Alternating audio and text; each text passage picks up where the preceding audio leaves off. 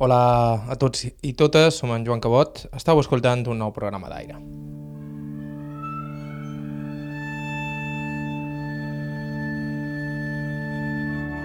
Tornem a Eivissa, avui amb dos testimonis que vàrem recollir en el nostre darrer viatge per aquelles terres.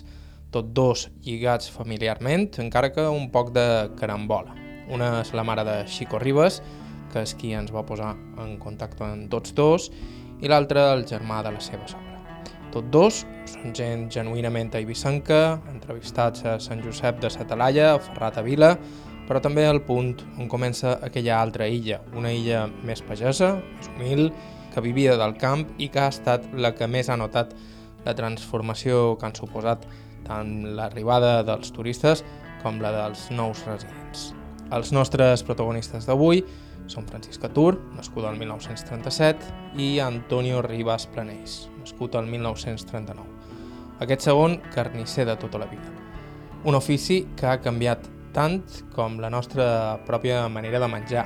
Avui, a Aire, coneixerem les seves històries i de passada la d'aquell bocí de món que es veu quan arribes en avió a Eivissa i que tants se'n tornen sense haver sabut ni que existia. Estau escoltant d'aire a IB3 Ràdio, us parla Joan Cobot, començam.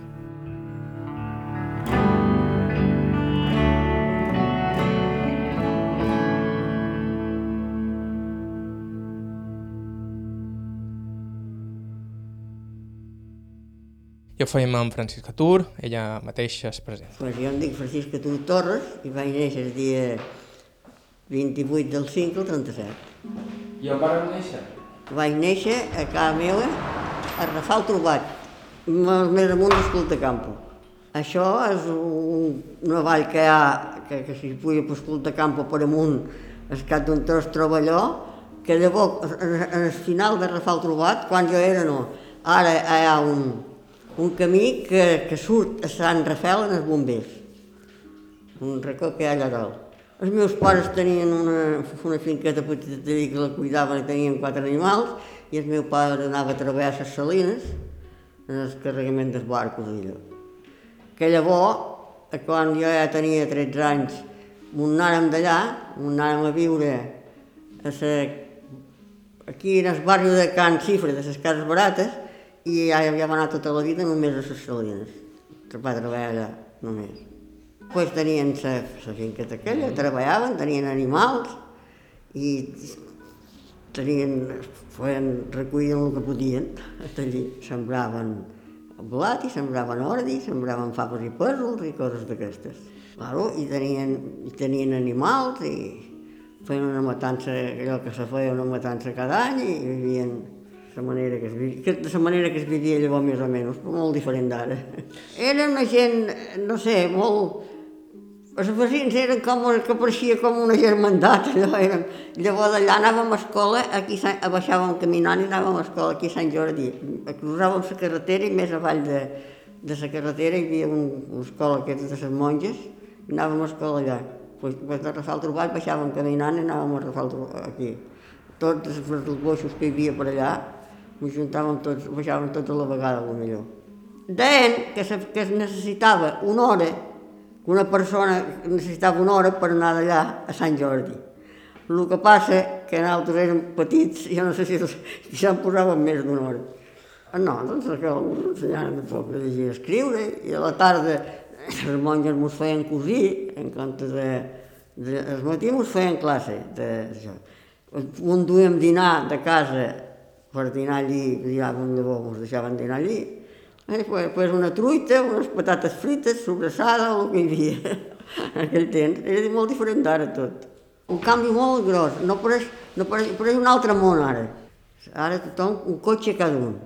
Telèfonos, de, de tot, eh, coses que, que llavors no, existien ni siquiera. Jo me, jo me record quan a Vila van posar per moll, no sé on, un bar, una, una televisió que quedaven al futbol i la gent jove s'anava en, en, aquell, en els bars que, que, i escoltava la ràdio, llavors quan se es quedaria una ràdio per escoltar el futbol i tot això.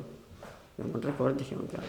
A Vila hi anaven de tant en tant, encara que malgrat tractar-se d'una illa petita i un lloc pròxim, hi havia una enorme diferència entre la vida en un lloc i l'altre. Sí, de tant, de tant en tant. quan, quan, quan ja eren grossos hi anaven més, quan eren grosses ja hi anaven més, perquè llavors, llavors per tot, ara aquí hi ha una farmàcia, aquí hi ha els metges, aquí hi ha de tot, però llavors tot s'havia d'anar a comprar a Vila, i si s'havia d'anar a la farmàcia s'havia d'anar a Vila, i si s'havia d'anar als metges s'havia d'anar a Vila, i per comprar el que fos, ara aquí hi ha merceries, hi ha coses, llavors per tot s'anava a comprar a Vila. Hi havia quatre botigues eh, bueno, millor a fora, que anava a comprar menjar, però tot s'anava a comprar. Bueno, hi havia de tot, hi havia de tot, però la gent, no sé, era molt... La gent era com aquell que deia molt hospitalària, la gent era molt... Ara mateix estàvem allà aquell barri, els veïns pareixia tota una germandat allò. S'ajudaven uns als altres, si hi havia una casa que hi havia un malalt, les altres allà els anaven a millor fer feina al camp, ajudar-los, i llavors era, la vida era diferent d'ara. Bueno, sí, hi havia una diferència. I, no, els de Vila deien els pagesos, els pagesos, i, i els de fora, no sé, també no, no era com ara. Ara tot és igual, els de Vila els de fora, però llavors els de, els de Vila eren els senyors i de fora eren els pagesos. I eh, com vareu conèixer el vostre home? Doncs pues no sé, pel, pel carrer, com aquell que diu. Com, com pel carrer? No, sí, per fora, no sé. No. Era, era del poble? No, jo era de Sant Jordi i ell era de Jesús. Sí, Jesús és a, la part de Sant Eulari, allà que es puja mm. per, per allà a Jesús, però clar, eren, també treballaven la terra i estaven això. Després ell se'n va anar a l'aeroport i va fer la vida a l'aeroport. Bueno, era diferent d'ara, molt diferent d'ara. Llavors festejaven eh, els diumenges, els nòvios anaven a les cases i algun, alguna nit els dies faners i tot això. Llavors, però normalment, llavors, però les al·lotes ho deien, ho demanaven a casa seva, eh, eh, com si elles llavors si podien festejar, això. És molt, era molt diferent tot. Quants anys vareu festejar? Pues vaig festejar cinc anys i pico per mi. El meu home, pues, de jove, treballava de, de pagès, per exemple, mm -hmm. i després quan, quan se va obrir l'aeroport i allò, jo estic complia la mili, i estava d'assistent amb un militar que, que va ser el director, de, que, que és el director de, de l'aeroport, diguem. I quan va acabar la mili li va dir que si li interessaria anar-se'n a l'aeroport.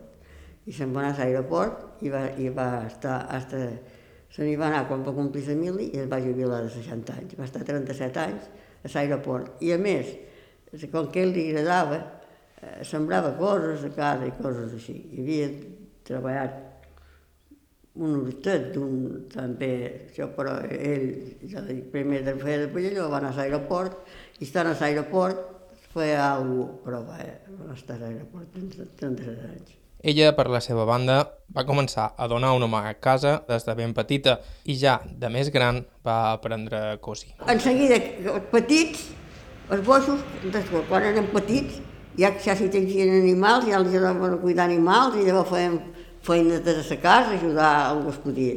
Vos que, que vareu començar a fer? Jo? Jo vaig començar quan era petita, que a voltes cuidava ovelles, set o vuit ovelles. Després a casa escuràvem els plats o coses així. I llavors vaig, vaig ser, llavors quan vaig ser grossa, quan vaig allà, vaig anar a cosir i vaig, i vaig cosir vuit o nou anys. Després quan em vaig casar, llavors quan, vaig, quan ja vaig tenir fills, tenc aquests cinc fills, ja no vaig cosir més, ja feia la feina de casa.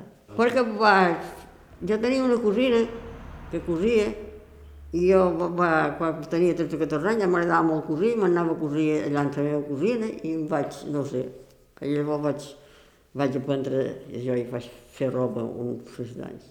Fer faldes i bruses i, i abrics o coses.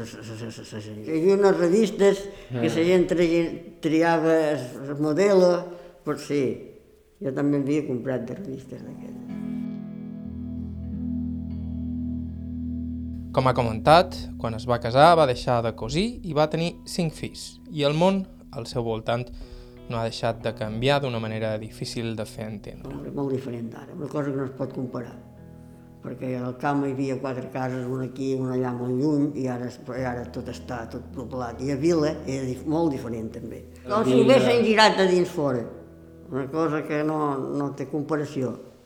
No té comparació. Ara pensar que aquí hi havia l'església i unes cases al redador del cinema. Això. I tot això estava buit, no hi havia res.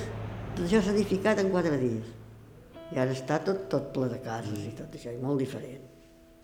I les carrillades, les carreteres asfaltades, tot això, i llavors uns camins de terra. No, no. Era Francisca Tur, nascuda a Eivissa el 1937. En uns segons escoltam un testimoni més recollit a Sant Josep, el del carnisser Antonio Ribas. Estau escoltant Aire i Vetres Ràdio, fem una breu pausa i continuem.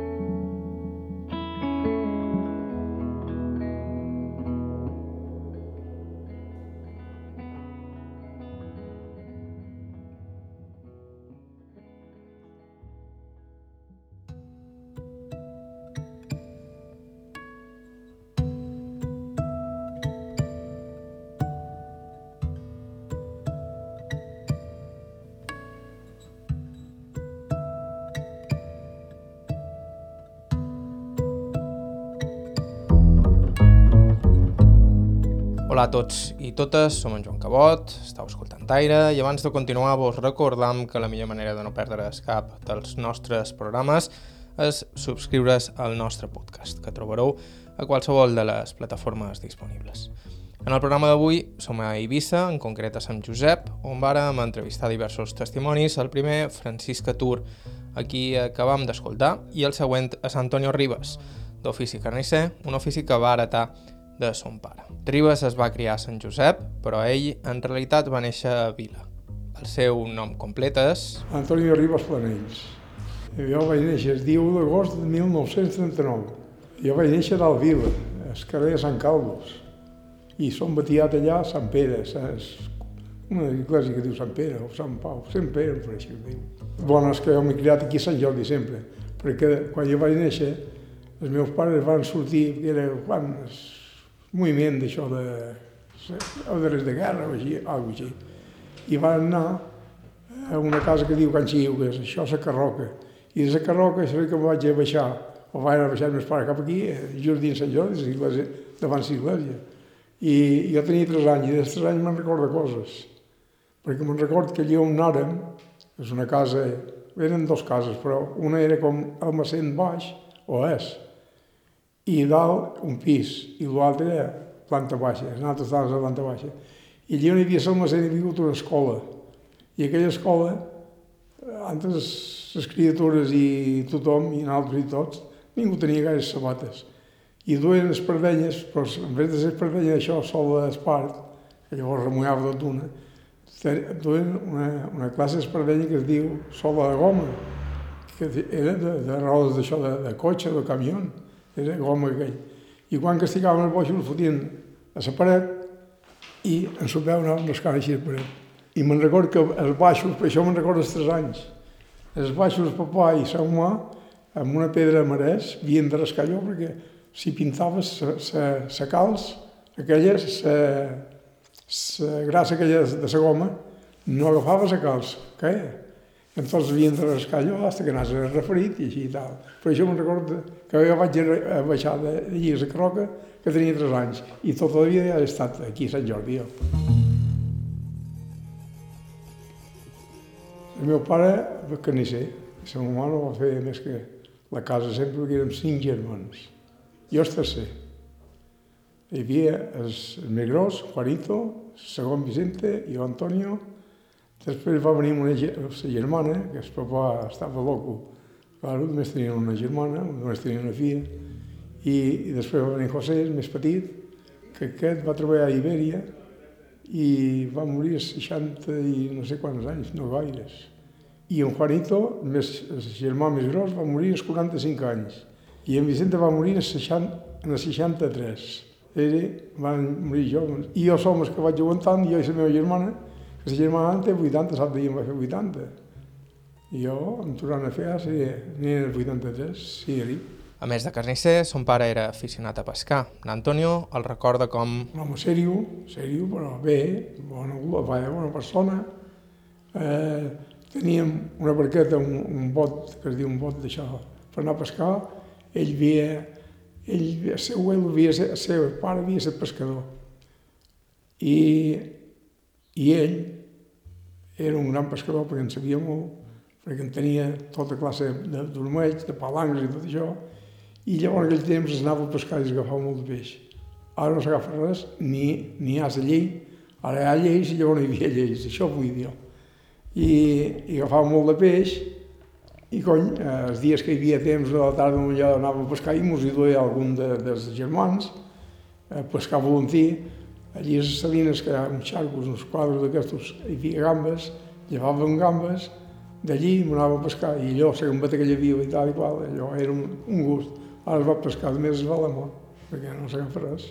Tenia un puesto a Vila, a Vila en la pescateria, i després, quan vam venir a Sant Jordi, hi havia un que treballava, no treballava, que ni sé, algun dia matava algun animal, es repartia jo, i tenia un quartet alquilat, que era a Can Givert, que ara es diu Can Jurat, però abans era Can Givert, i allí tenia carn els dissabtes a la tarda, perquè el matí anava a vendre Vila, els dissabtes a la tarda i el diumenge de matí. I com nosaltres estàvem just abans d'Igles, i això era al costat d'allí Can Jurat, eh, matàvem els animals nosaltres allí a Ribes mateix.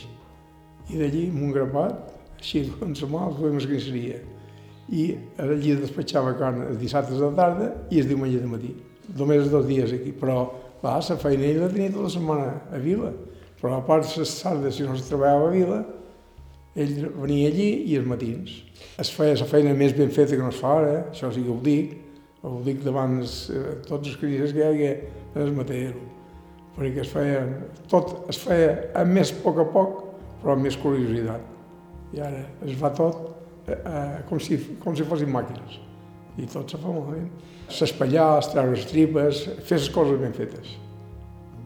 Hi havia una cosa, quan se treu, quan s'obri l'animal, que de treure les tripes i això, hi ha una cosa que es diu el bu- el budell prim. El budell prim aquest, amb una por com si fos, i fa una mateixa, com si fos un, una corda. I tot això ja no es fa.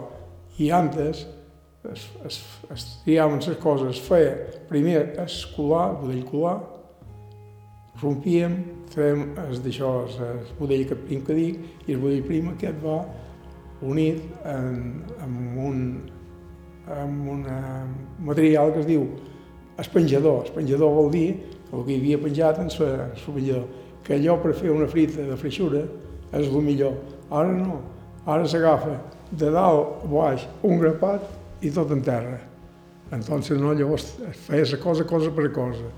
I llavors la freixura, que es feia frit de freixura i tothom li agradava molt, i ara també li agradaríem, però ara no, ara treien per lliures l'espenjador que dic, se treu l'arbre de, de l'animal i tot amb un grapat en terra i ja està, és acabat. Per això dic jo que llavors es classificaven les coses. No en tenia, no hi havia pollastre ni porc sí, porc sí, porc i bestiar.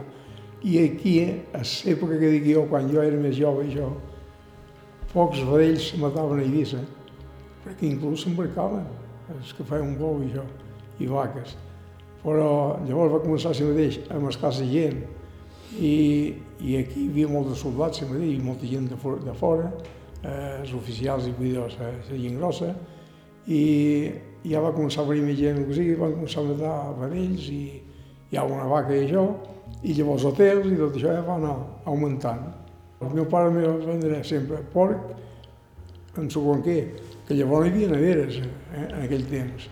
i els porcs donaven ordre de matar-ne per tots sants, perquè començava a pujar el temps. I llavors sempre fèiem alguna, alguna matança, hi havia, hi havia porcs d'aquestos, hi havia gent que feia un porc per vendre, i un per casa per fer matança, i compràvem els porcs aquells i fèiem matança a casa, i després, clar, teníem el clientel del meu pare que es venia tot, tot, tot, els porcs, si és una cosa, s'aprofita tot. No, sobrassada i botifarra i botifarró. Bueno, la sobrassada fa, es pot fer de dues maneres. Es fa més baixa, vull dir, amb, més, amb menys magre més xuea, o es fa normal, però aquí es feia sobrassada, es llevaves de xuea, i el sanguinós es feia botifarra botifarró, i el més sobrassada, però cuixes i tot, eh? Vull dir, els jamons, les patatilles, tot. Jo me'n recordo quan jo vaig començar, que em donaven un permís, m'ho pareix, per matar 50 porcs l'any, i em cobraven alguna per això, tant si el matava com si el matava. Sí, era un canon que havien posat, que era, sí, poca cosa, però... I em pareix que el meu pare, quan mataven tot això, aquesta, aquesta llei no era encara. Carn de bestiar i porc, el que se no sempre hi pissa. I el porc, ja dic, si no era de part d'hivern, no, no se'n podia matar. Es privava, no me'n recordo quan se privava, això va fer matança, però eh, no sé, devia ser quizá en su març o abril, i llavors ja, ja hasta, hasta l'altra temporada. Molt bé. Després, antes d'anar a buscar tot, antes m'ho portava. És que tenia un porc que l'havia portat. Posava dins el carro, el portava, i sí, antes hi havia, hi havia, claro, els pagesos tenien carro, però no tothom ho tenia, i llavors havia de buscar un vecí que li dugués això, perquè això, jo vic d'aquí a Sant Jordi, però a Vila, a Vila també, un pagès de, així de la pagesia, de finques, això, havia baixat per aquell en, en un carro. Si potser un que tenia un porc i un per estar més segur el que era, si era més gros o més petit, deia el vendré fora i et diré quin dia l'hem de baixar. I així. Vull dir, era tot de paraula en paraula i fet tot com, com, com eh, un, bon tra un bon trato, allò un, una ajudota. Eh? Sí, perquè deien, n'hi havia que tenir més, més diversos porcs, però com ara no, i després era que en tenia millor una casa en tenia dos, un per la seva matança i l'altre venien, i en, l'altre feien suert de, de, de fer l'altra matança per casa seva. Era una ajuda que es feien.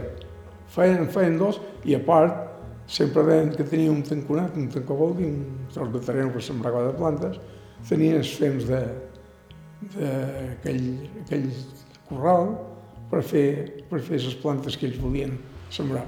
Llavors en negre dius que feia 14 quilos robes i ara molt gros. Ara 10 i 12 robes, molts. Que la roba aquí és 50, a 10 quilos. Eren 50 quilos, 60 quilos. Sí, però ara fan 200 i, i ja està 300 quilos.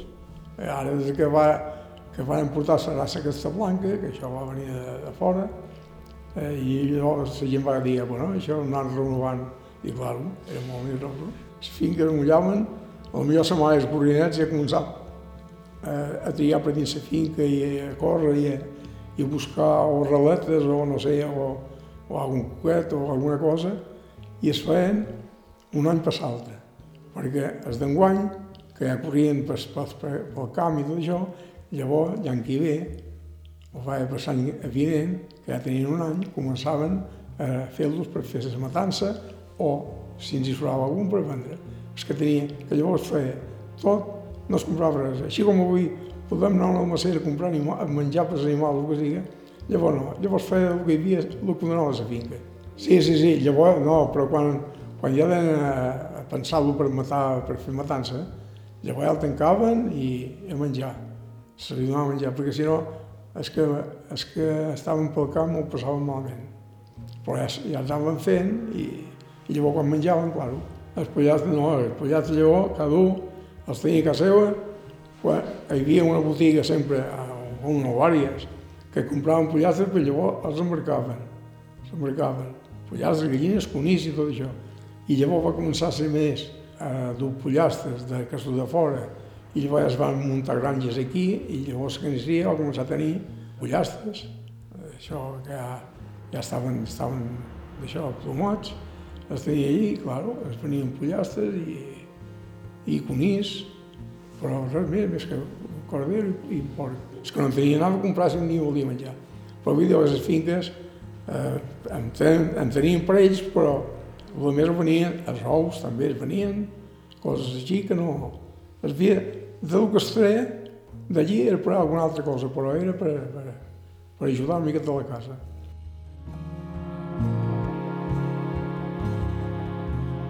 Vos vareu anar a escola? Poc. Al meu temps hi anava poc. Aquí a Sant Jordi. Una escola que jo quan hi vaig entrar, que devia tenir 7, 7 anys o 8, no sé què, hi havia dos que en tenien 15 i 16 i tornaven junts. Ja pot pensar eh, el que podríem aprendre. Flac. Eh, jo sé que hi havia els lots que ja tenien 15 o 16 anys, que eren processos d'una altra escola, eren boixos. Teníem un mestre, un mestre que jo crec que moltes voltes li venia la cosa grossa, no sé quants eren, però l'escola sempre estava plena. Per mi, per mi que era molt jugador, i, i no, i, i saps cartes li anaven sempre les dolentes. I llavors pagava, el pagaven les escriptures. Anàvem emprenyat, de tot, de tot. Pegava. Eh, de tot. Llavors anàvem als robots a una escola i al costat hi havia l'escola de les nenes. I així que hi havia mestre i una mestra, eh, però no, tot era partit, no, no com ara, és tot junt. El meu pare anava a fer feina, nosaltres no ens tocava més remei. I si un dia fallava, jo a més dic una cosa, que avui com, com envien les criatures els deberes, ni deberes ni hòstia, no em van enviar mai ni a casa, ni a, a germà, ni a ningú. Jo no hi havia res. Anaves a l'escola i n'hi havia, cony, que prenien i tal. Però vaja, jo de Sant Jordi me'n record d'un, d'un, que era més vell que jo, que era l'edat de germà meu, que va anar a Guaré, va, va, va anar a l'Institut de Vila. Però un, no, jo no he pensat que n'hi hagués l'altre. Així que ja ho pensar. A casa de Boixos, primer va ser Juanito, el més gros. De petit ja li van ensenyar el meu pare, ja li va ensenyar a matar cabridets, animals, el més petit. I ell feia l'altre. Després, quan ell ja va saber, ja va tocar el germà segon, Vicente. Eh, tal, va començar igual. I quan ell ja en sabia, jo començava, jo començava allò que sempre es fa la feina de carnisser, sempre es feia la feina més petita, la més dolenta, més dolenta perquè, et diré una cosa, la pell del cordero, de cabrit, això valia èquits, valia. Però no, no es havia de rompre ni per anar bé. I entonces es feia el cap, que es diu quan l'animal està penjat i la pell baixada, es feia el cap que allí, en què anaves una miqueta més malament o hi havia un taet o no, passava res. I començàvem amb això, en el cap. Quan ja sabíem fer això, ja anàvem tri, trinxant i provar de, de fer de baix, que es diu, tot el que es fa el mig animal de baix vol dir damunt el banc. I llavors quan estava mig, es penjava i es feia... L'animal se mata en un banc, fa degullar. Quan ell ja està mort, llavors altres l'inflàvem en sa boca, eh? Així, és així, res de canó ni, ni res, no, no, la boca, fèiem un fet a la palla darrere i bufàvem allò que l'animal creixia. I clar, llavors trinxava molt bé. I llavors hi va un, bueno, un que també treballava a Cancer, que era Miguel Miquelitos, i va anar, eh, es, va, es va emplear en un circo que va venir aquí, no sé si és Circo Lauri o alguna així, és igual. Quan se'n van anar, de Eivissa se'n van anar a València, circo aquest, i ells hi van treballar allí, amb ells però va tenir, va tenir un susto mesquín perquè l'amo del circo crec que es va, va electrocutar i el va veure allí ferrat i, i mort i es va assustar molt i diu, ah, on vaig? Se'n va anar. I era, em pareix que era un, puesto, un, un poble, un poble de València que es diu Oliva o alguna així. I es va emplear a una carnisseria, un carnisser va a un maderer, un maderer, un, maderer, un matadero. I allí no els inflava els animals. Ah, quan va venir aquí, i diu, però si no em pot inflar-los, quan va, quan va venir a. I va començar a trinxar l'animal i espallar, clar, espanyar vol dir a puny. I, i ja van començar així i mai més fet un animal aquí i el fèiem així sense, sense inflar-lo. Entonces, l'animal se posava així de, de cap per avall, eh? anàvem darrere i trinxàvem fins al coll. Després fèiem els, els, dos, els dos braços, que diu l'espaladilla, s'obríem. I després ja començàvem a cuixa darrere, tirant cap, a, cap endavant, es fa sempre, en suganivet se fa una miqueta la pell, i després quan un ja pot passar el puny, el puny, allò amb una mà quanta de salt de puny, i desfaràvem la pell així.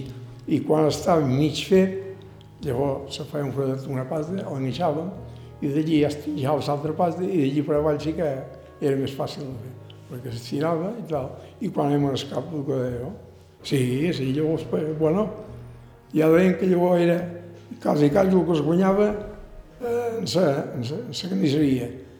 Si anava en gastos i menjava això, el dia que es feia una, una venta de pell, aquell dia feia un parell de, un, un extra de, de, de duros. Eh?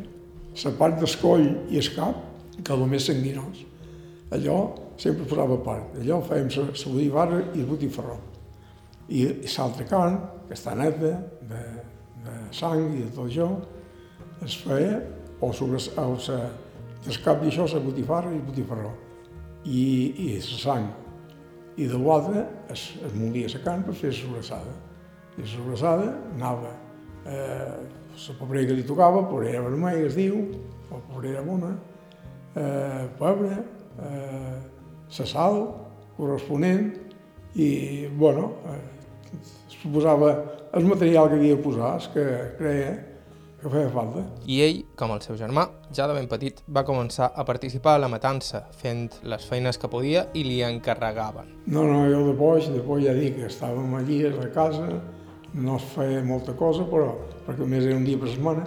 A part, eh, quan estàvem aquí, compràvem els animals que es mataven a vila, però d'aquí de Sant Jordi amb una bicicleta cada un i un canastro, agafàvem dos animals o tres, eh, els amarraven de les pates i els posàvem que no poguessin apuntalar, perquè si no sempre eh, si és, és mal de dur una bicicleta, si un animal o dos. Però com els posàvem que, que quedassin l'esquena baix i la pata, així, les pates una miqueta per amunt. Lligàvem allò i els meus germans, igual dos que tres, dos o tres animals cada, cada canastro, i baixàvem al matadero de vila eh, a matar-los.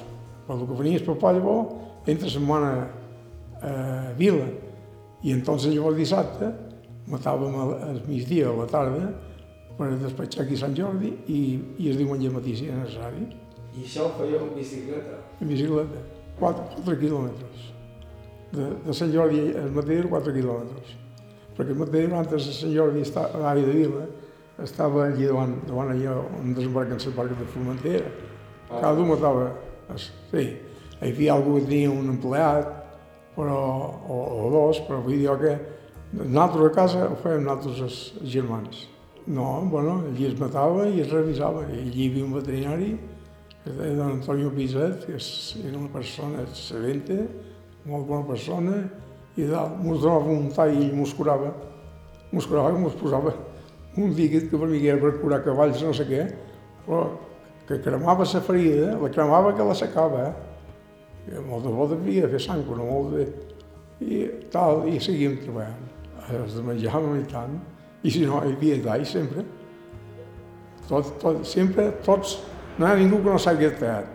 I a voltes són coses tontes, però un tall arriba immediat, però ja dic, si un se feia un tall, un dit o el que sigui, eh, un ombradet i, i, i acabar la feina. Sí, bueno, com ho veiem cada dia del meu pare, la matança la fèiem a casa, a Sant Jordi. I, i l'altre no, l'altre, bueno, eh, un va aprenent perquè no veus altra cosa més que allò.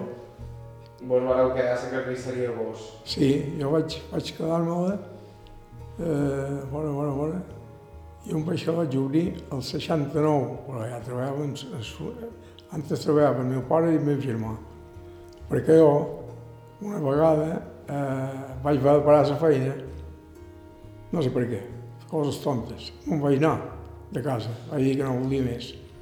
Tots em vaig anar i vaig fer un paellà de camioner, vaig fer escanet de primera i vaig fer un paellà de camioner. I llavors vaig tenir una, bueno, un, un cuento, perquè va ser com un constipat, però aquell constipat eh, em va donar una pleura, que una pleura vol dir un, una manxeta a un pulmó. Però aquí no hi havia, no hi havia, no, no sé com era, però no hi havia com és ara. Aquí hi havia el metge en Villa Gómez, que és molt amic del meu pare, això, però hi havia una, una clínica que es deia Cana Contra, en Vilàs encara no era, encara no, no existia, i res, l'hospital i una ara es conceí. I res, no vaig estar massa conforme i dic, no, no, on van dir que hi havia un metge molt bo Palma i quizà ne sentit parlar, que es deia don Joan Manera, don Joan Manera i don Miquel Manera, un era de cor i l'altre de pulmó. Jo anava allí, quan ja estava content, cada dos o tres mesos anar a Palma i endavant. I un dia sé que vaig anar a Palma i don Joan Maria aquest em va mirar com sempre i em diu, mira, diu, ara et dic una cosa, diu, si ara mai haguessis d'entrar una companyia, que sempre ho revisen i tot això, diu, no hi haurà cap metge mai que et digui que hagués tingut tu una pleura. Com que digui que havia que anar, quan jo m'apunté i tal. I, I després, després va ser quan ja el meu pare em diu, mira que val més a voltes 10, 10, llavors eren duros, 10 duros guanyats a casa, diu que no, eh, molts fora, ja vol agrupar-se. Bueno, allò em va endinyar una miqueta. I vaig pensar, i ara si me'n tornen els camions i em torna a passar alguna cosa o que sigui, eh, quizà no em quedaria molt bé. I res, jo vaig seguir els camions i llavors, quan vaig tenir això, la pleura aquesta, que vaig curar, vaig tornar a casa. La feina era feina, el que no és ara. No hi havia un camió amb grua, no hi havia cap de grua quan dic jo. Eh, la feina camioner era cosa de, de carregar blocs, per fer cases, el que siga, carregar arena, carregar grava, carregar tot, però tot a mà. A la cantera o la arenera hi havia algú que t'ajudava a carregar perquè d'allí. Però si hi havia dos camions davant tu, havies de fer cola. I si hi havia quatre, igual. Ara, si tu volies anar amunt i anar carregant, jo moltes voltes havia carregat tot sol, perquè hi havia més camions que sortien altres que no, que no uns d'aquells que feien cola. Ara, això volia voluntat i feina. I jo, això dels camions, m'havia picat molt bé. Em vaig fer molta de feina, vaig guanyar sous, però, eh, ja dic, feina netejàvem els camions, t'enviava aquí, t'enviava allà, allà dalt, tal obra, allò. Devien ser uns anys que hi havia molta feina, no? De... Molta, era quan se, se feia molta hostaleria, hi havia molta feina. I es feia tot així, no hi havia màquines com anava, avui pales d'excavador i tot això no hi havia.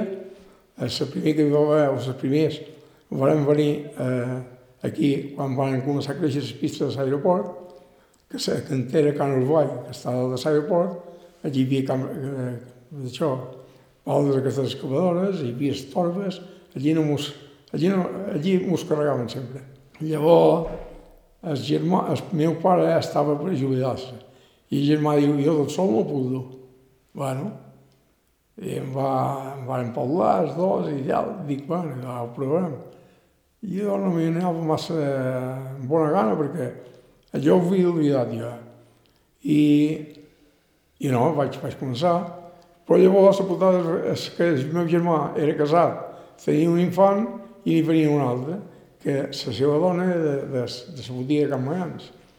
I el germà, la dona estava molt adelantada per tenir infant, i diu, mira, jo no puc ajudar més, jo m'he de quedar a casa.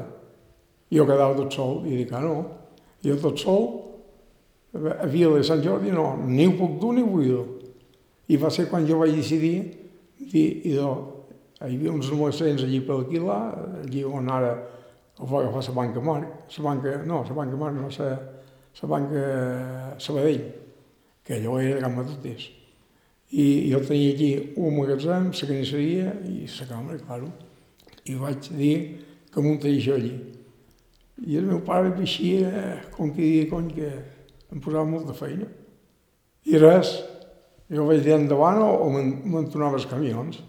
I vaig fer allò, vaig, vaig muntar la i ja et dic, fins que no vaig arribar-me a retirar perquè vaig tenir un, un infart dos anys antes de retirar-me i em vaig, vaig, em van donar baixa.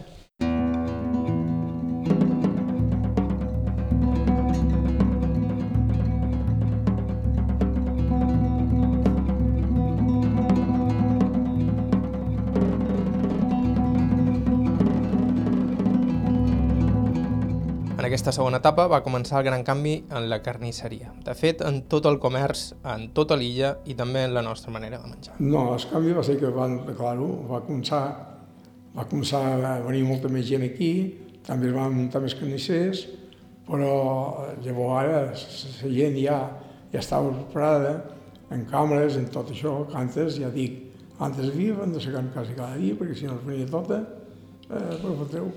No, no, havia, havia de gastar o la casa o tal.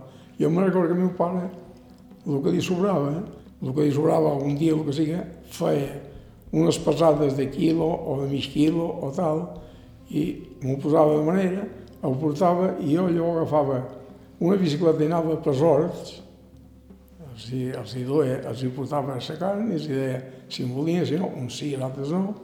I el meu pare sempre em deia, diu, eh, si algú eh, tu vol canviar per patata o per el que siga, diu, canvies, equivalent, i eh, com que dir, hi havia, hi havia gent que havia dit, no, si tu tinc de pagar ara, no, no t'ho pago, el que siga. No, no. I si hi havia 6 o 7 quilos de carn que havien sobrat, el que siga, es venia. Eh, la qüestió és treure, allò era un material que s'havia de treure, la carn. I entonces, si no tothom anava com ara, que quizà anaven més, més lleugers de, més llullers, més llullers anaven llavors d'aquí de, de sous, perquè ara no arriba res. Però llavors, una finca, no, miraven de menjar de la finca i compraven el que havien de comprar. Si em devia comprar peix o carn, o sigui, compraven, però miraven de no.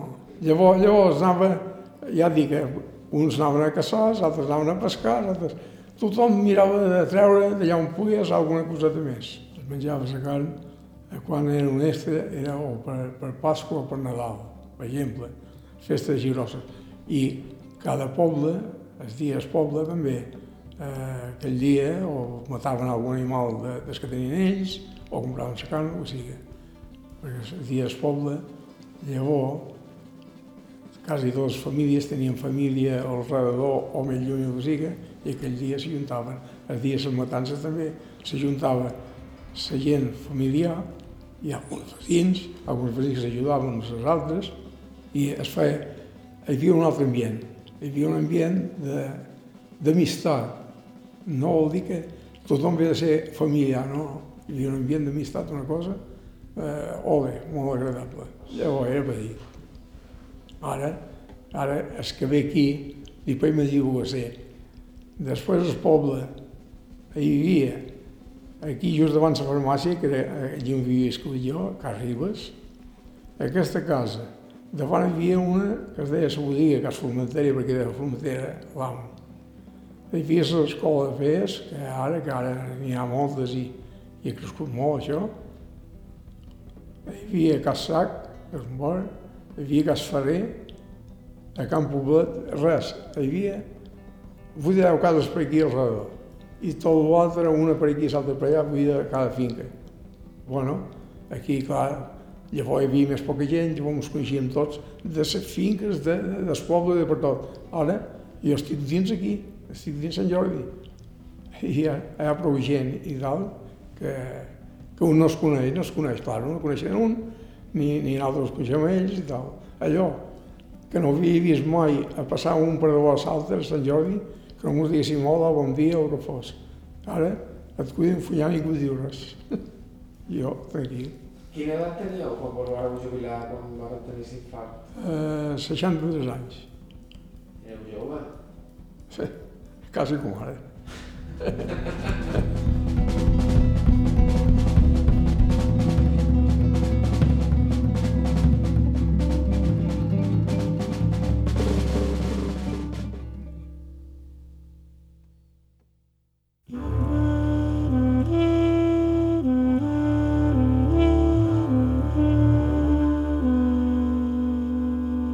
Fins aquí el programa d'avui.